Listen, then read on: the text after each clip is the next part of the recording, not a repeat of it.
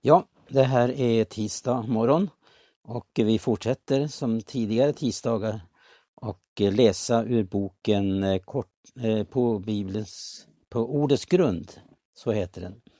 Det är en samling eh, korta bibelstudier som jag skrev för en tid sedan som blev infört i tidningen Midnattsropet.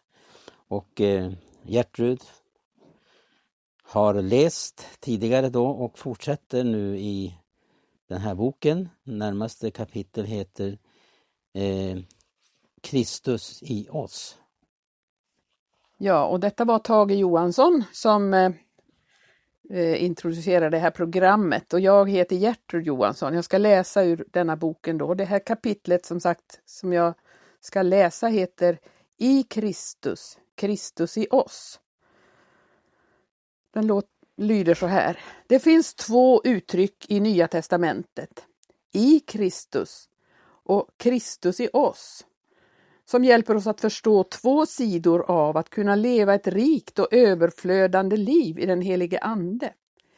I Kristus handlar om ett mottagande och Kristus i oss handlar om ett utgivande. Speciellt i Kolosserbrevet finns det här uttrycket i honom. I honom har vi förlossningen, förlåtelsen för våra synder. Står i Kolosserbrevet 1 och 14 och vidare står det i Kolosserbrevet 2 och 12. I honom har vi blivit begravna i dopet. I honom har vi mottagit dopet i den helige Ande och Andens nådegåvor. Alltså, den sidan av vår frälsning handlar om ett nådeserbjudande och ett mottagande av gåvor. Av nåden är ni frälsta, en Guds gåva är det. För övrigt äger vi allt i honom, ja, vi är satta med honom i den himmelska världen. Efesierbrevet 2.6. Det står till och med att vi i Kristus är välsignade med all den himmelska världens andliga välsignelser. Efesierbrevet 1 och 3. Allt detta har vi i Kristus och det är den ena sidan. Så har vi den andra sidan som är Kristus i oss och som Paulus talar om i andra Korinthierbrevet 6 och 1. Men så som medarbetare förmanar vi er att icke så mottaga Guds nåd så att den blir utan frukt. Det vill säga att det vi har mottagit ska få komma till ett resultat, att det får bära frukt. Paulus skriver mottaga Guds nåd så han tar som exempel i första Korinthierbrevet 10 det som var under molnskyn som gick genom havet, som blev i molnskyn och i havet döpta till Mose. Man åt andlig mat och drack en andlig dryck. Det drucko nämligen ur en andlig klippa som åtföljde dem och den klippan var Kristus. Men så står det, de flesta av dem hade Gud icke behag till, de blev ju nedgjorda i öknen.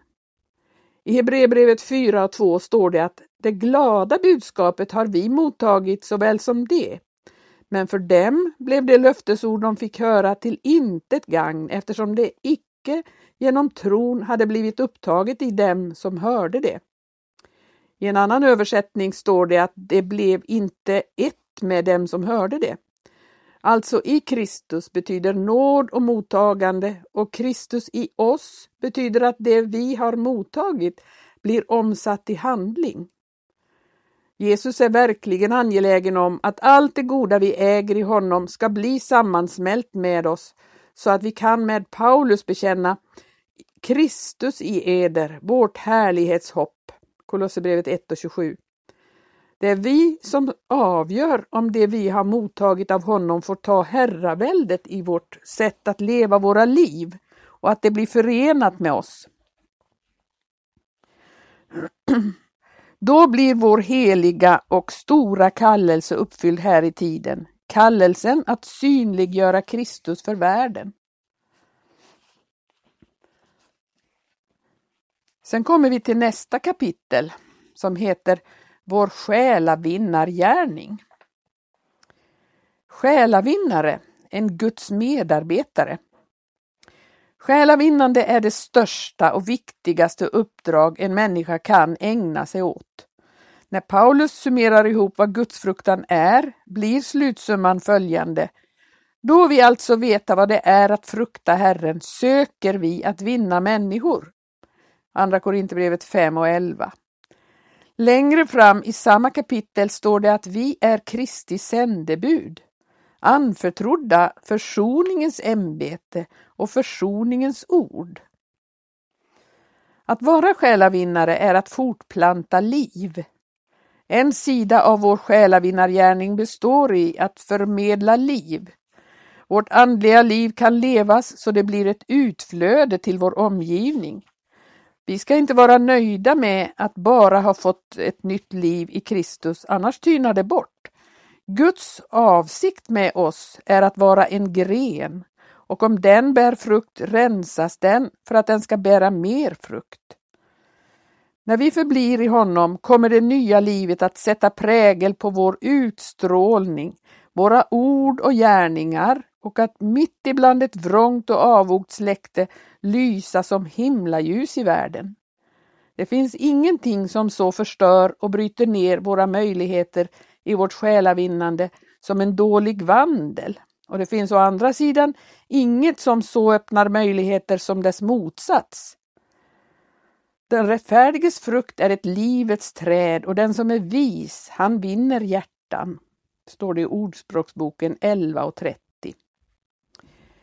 Kristi kärlek tvingar oss, Andra Korinthierbrevet 5 och 14. Att vinna människor för Gud handlar inte om metoder och organisation i första hand. Hemligheten är att äga ett brinnande hjärta.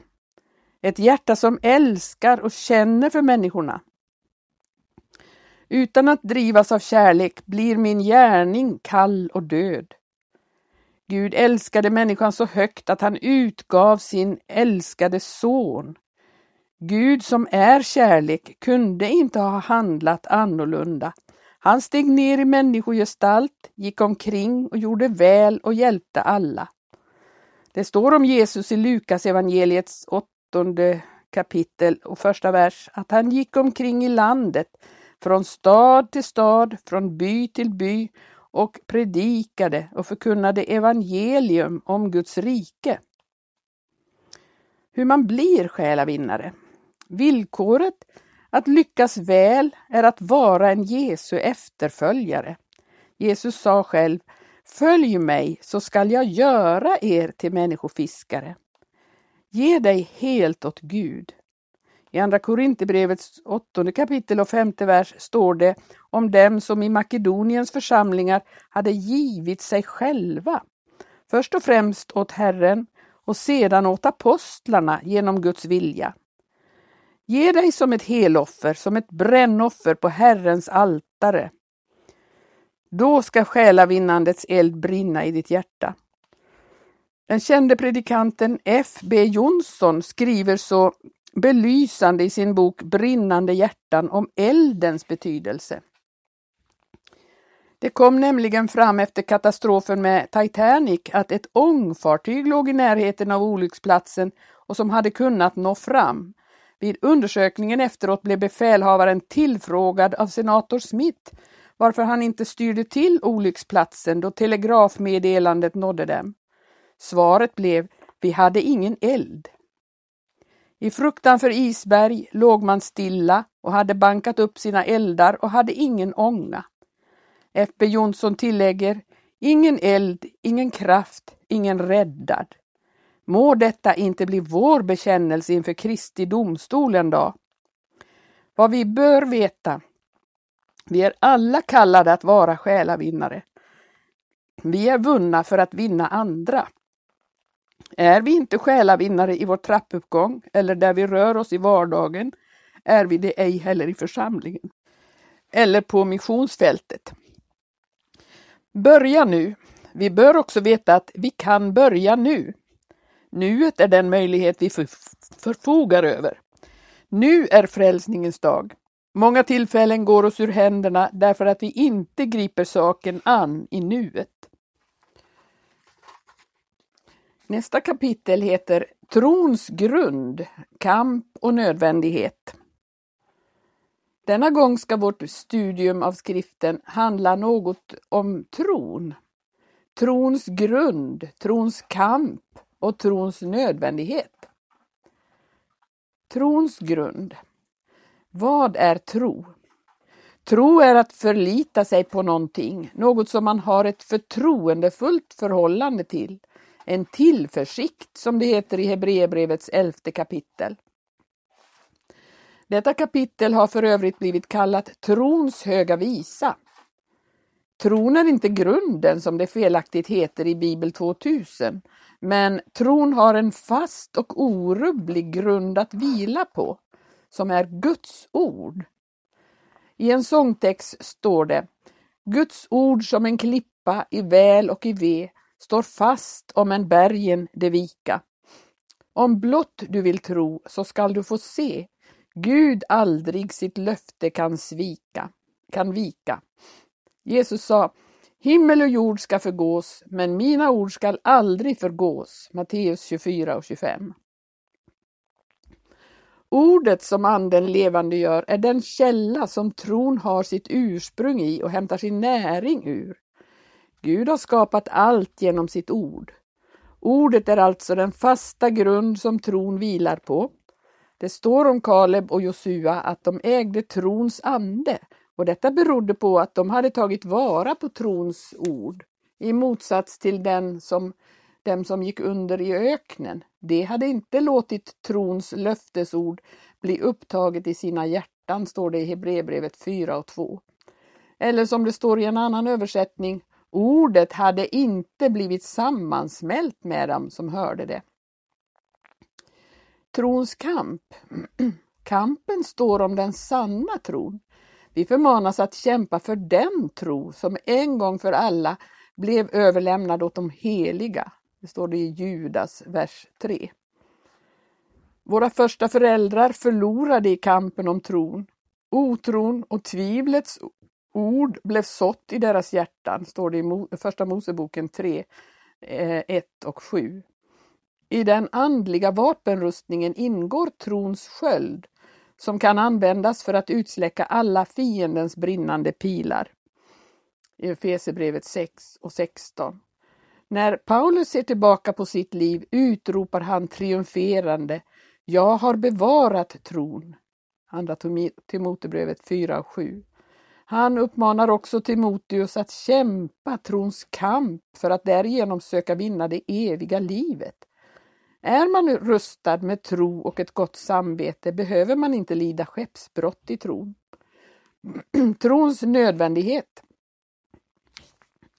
Utan tro är det omöjligt att täckas Gud. Tron är viktigast även om den inte är störst. Det är kärleken som är störst. Någon har sagt att tron är den hand som mottager vad Gud ger, men att vi genom kärleken behåller det vi mottagit genom tron. I Hebreerbrevets elfte kapitel står att det var genom tron man utförde Guds gärningar. I sändebrevet till Laodicea beskrivs församlingen som fattig, blind och naken. Den som en gång var rik på trons erfarenheter, den uppmanades nu att köpa guld som var luttrat i eld, det vill säga få en beprövad tro. I första Petri brev 1 och 6 står det att vi ska fröjda oss om vi en liten tid får gå igenom bedrövelser och prövningar av olika slag och får uppleva att om vår tro håller provet så är det mycket mera värt än guldet som förgås, men dock genom eld bliver beprövat. Jesus sa till Petrus, jag har bett för dig att din tro icke ska bli om intet. Satan hade ju begärt att få sålla Jesu lärjungar så som man sållar vete. Till sist vill jag citera från en känd sångtext. Tro under allt som dig möter, snart du ju hemma är. Då skall i åskådning bytas det som du trodde här.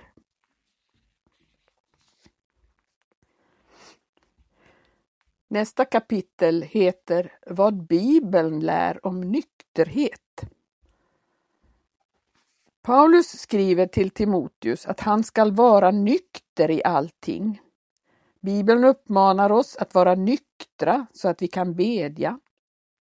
Det finns i 1917 års översättning 11 bibelställen i Nya testamentet som handlar om nykterhet. Låt oss vaka och vara nyktra. Och vi som hör dagen till, vi må vara nyktra. Och han bör vara nykter och tuktig. Var nykter och trogen i allt. Att det så ska bli nyktra och därigenom befrias ur djävulens snara. Men du, var nykter i allting.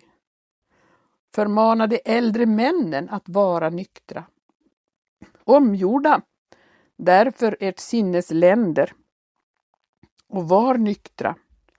Var alltså besinningsfulla och nyktra så att ni kan bedja. Var nyktra och vaken. Er vedersakare djävulen går omkring såsom ett rytande lejon. Och vakna upp till rätt nykterhet och synda icke.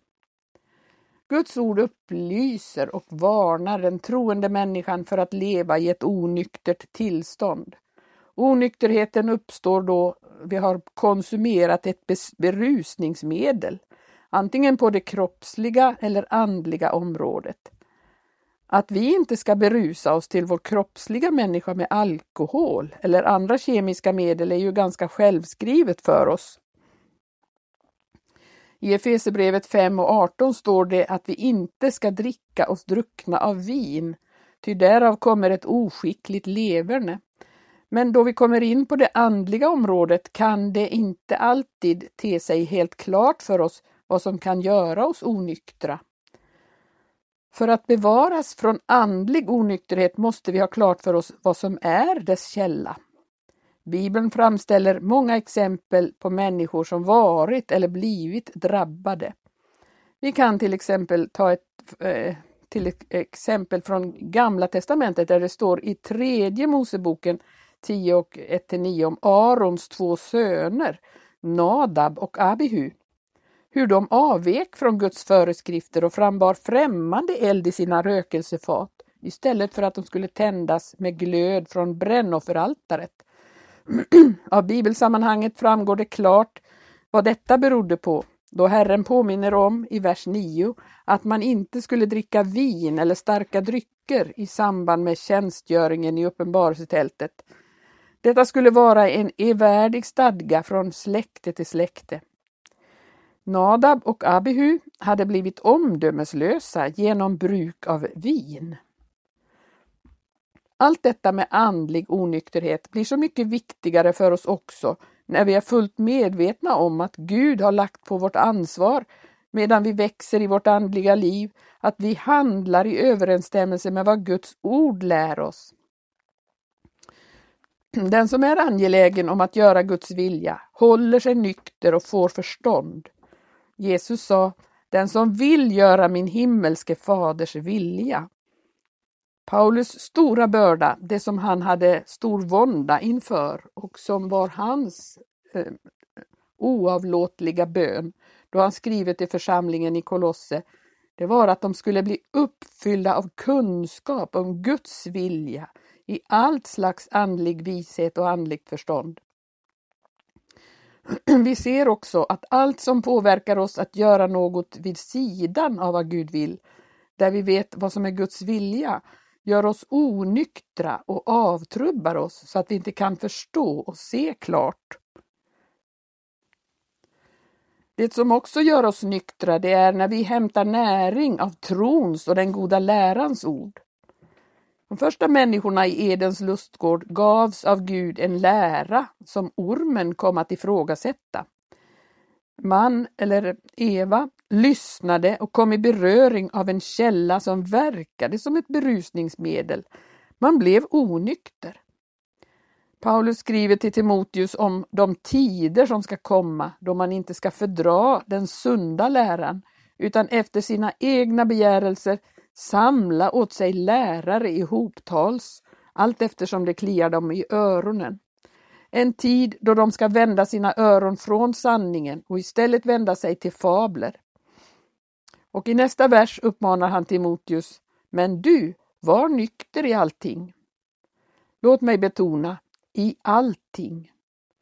Det är inte enbart en osund lära eller skökans vin som gör oss onyktra. Jag vill också påminna om att vrede, oförsonlighet, högmod, missmod, själviskhet, materialism, rikedom, otro eller personlig framgång om den tas emot på fel sätt verkar på oss som berusningsmedel. En onykter person har förlorat kontakten med verkligheten och lever i en skenvärld. Det som för övrigt kännetecknar den som är onykter är att han eller hon inte vill veta av disciplin, är hållningslös, ovederhäftig, grälsjuk, vårdslös om sin hygien och så vidare. Till motsats mot Guds ord som verkar återhållsamhet i alla stycken. Till sist en uppmaning av aposteln Petrus. Var nyktra och vaken. Er vedersakare djävulen går omkring såsom ett rytande lejon och söker vem han må uppsluka. Stå honom emot, fasta i tron och vet att samma lidanden vederfars era bröder här i världen. Vi hinner med ett kapitel till och det heter Det nya förbundets härlighet och möjlighet. Ett förbund, det är ett ömsesidigt förhållande. Vi får först ställa oss den frågan, vad menas med förbund? Bibeln är ju indelad i två förbund, gamla och nya förbundet. Förbund är ett ömsesidighetsförhållande, en överenskommelse mellan två parter som åtar sig ömsesidiga förpliktelser. Förbundets grundtanke är gemenskap. Gud upprättar gemenskap med människan för att knyta kärlekens band. En måltid i Bibeln var ofta ett uttryck för att knyta vänskapsband. Jesus säger i sändebrevet till Laodicea om någon öppnar för mig så ska jag gå in till honom och hålla måltid med honom och han med mig. Förbund är det krav eller erbjudande. Ett förbund kan uppfattas som ett krav eller ett erbjudande. En rätt insikt hjälper oss att uppleva det som ett erbjudande om vi väljer att lyssna till förbundets ord. Hemligheten är när Jesus blir förbundets uppfyllelse. Detta förebildas i gamla förbundet genom att förbundets tavlor lades i arken, som är en förebild till Kristus. Först slogs tavlorna sönder, men nästa gång Mose fick dem av Gud blev de lagda i arken. Hemligheten är alltså när Kristus blir ordets uppfyllelse i oss. Kristus i oss, vårt härlighetshopp. Undervisning i alla stycken. Det nya förbundet med dess möjligheter kommer till människan genom ordets undervisning på samma sätt som då Mose, efter det att Gud hade visat honom en mönsterbild om vilken Gud sa Se till att du i allt gör efter mönsterbilden, skulle för att sedan förverkligas noggrant förmedlas genom undervisning. I Andra Timotebrevet 4 och 2 står det om en undervisning i alla stycken. Kristus tar gestalt i oss i proportion till hur mycket plats vi ger rum för ordets undervisning i våra hjärtan. När detta sker blir ordet som är Kristus synliggjort i hela vår vandel. Det blir som det står i första Petri brev 1 och 15, en helig vandel. En vandel som är värdig Kristi evangelium. Guds ord blir synliggjort i våra gärningar, i vårt tal, i vårt kroppsspråk och vårt sätt att kläda oss och så vidare och så vidare. Hur man bör förhålla sig i Guds församling. Nya förbundets stad, det nya förbundets stad upprättas genom en gudomlig ordning. Om församlingen skall utgöra och vara en stad som Jesus talar om i Matteusevangeliet 5 och 14 måste den vara uppförd enligt det himmelska stadsbyggnadskontorets ritning. Den andliga innebörden beträffande församlingen som en stad på ett berg är mycket intressant. När människan som inte känner Gud bygger en stad placeras inte ens en så ringa detalj som en lyktstolpe på fel plats eller något annat föremål på måfå. Nej, det följer en bestämd ordning. Hur mycket viktigare är det då inte att Guds ordning blir upprättad? Paulus gladde sig när han såg den ordning som var rådande i Kolosse. Gud vill i denna tid upprätta trons lydnad. Paulus skriver till korintierna att när lydnaden fullt har kommit till välde bland dem, då är vi redo att näpsa all olydnad. Trons lydnad är inte svår att uppnå. Om det nya förbundet får plats i våra hjärtan blir det som det står i Romarbrevet 6 och 17 att de hade blivit av hjärtat lydiga att följa den lära som hade givits som mönsterbild. Jesus sa, om någon älskar mig så håller han mitt ord. Nya förbundet upprättas genom att människan öppnar sig för anden som utgjuter kärlek i hjärtat till undervisningen om mönsterbilden. Det stora avfallet i ändens tid har sin grund i att människorna inte ger kärleken till sanningen rum.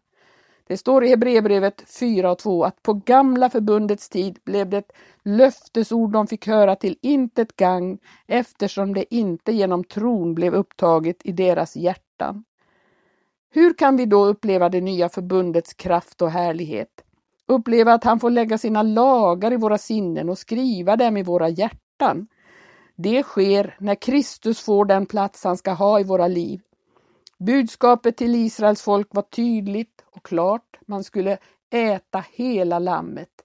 Jesus själv talar i Johannes evangeliet 6 och 56 om att dricka hans blod och äta hans kött. Det vill säga att han får förena sig själv med oss genom sitt blod som talar om hans liv och hans kött som talar om hans ord. Om man nu hörde hans röst och höll hans förbund så skulle det vara hans egendom framför andra folk på jorden och vara ett rike av präster, ett heligt folk. Det är vårt kompromissande och vår delade håg som hindrar oss att uppleva hela det nya förbundets härlighet. Det står i Andra Moseboken 40, 33-35 att när Mose hade fullbordat allt arbete enligt mönsterbilden uppfylldes tabernaklet av Herrens härlighet. Det går aldrig att köpslå med människor som inte vill ha hela Kristus, som vill ha utrymme för sitt eget synsätt och som inte är förankrade i ordet. I Andra Moseboken 32.29 står det om att Levi barn som fick taga handfyllning till Herrens tjänst och fick erfara hur välsignelsen kom över dem på grund av att de hade stått emot sina egna söner och bröder. Problemet för folket som Gud kallade ut från Egypten och som det står så underbart att han tog dem vid handen och förde dem ut, men som sedan inte förblev i hans förbund. Likadant var det med det folk som drog ut från Babel. Man förde något med sig ut som inte var förenligt med Guds uppenbarelsen. Hade inte Mose, liksom Esra och Nehemja, gjort upp med dessa ting hade Guds verk inte kunnat gå vidare. Det är två ting förbundet innehåller. Ordets skarpa svärd som verkar åtskiljande, men också det som förenar till Andens enhet där man blir ett hjärta och en själ. Ja, det var alltså några kapitel som lästes ur boken eh, På ordets grund. Och Gertrud Johansson fortsätter nästa tisdag och eh, då kommer nästa kapitel att handla om korsets budskap. Och vi återkommer igen alltså och önskar dig Guds välsignelse och på återhörande.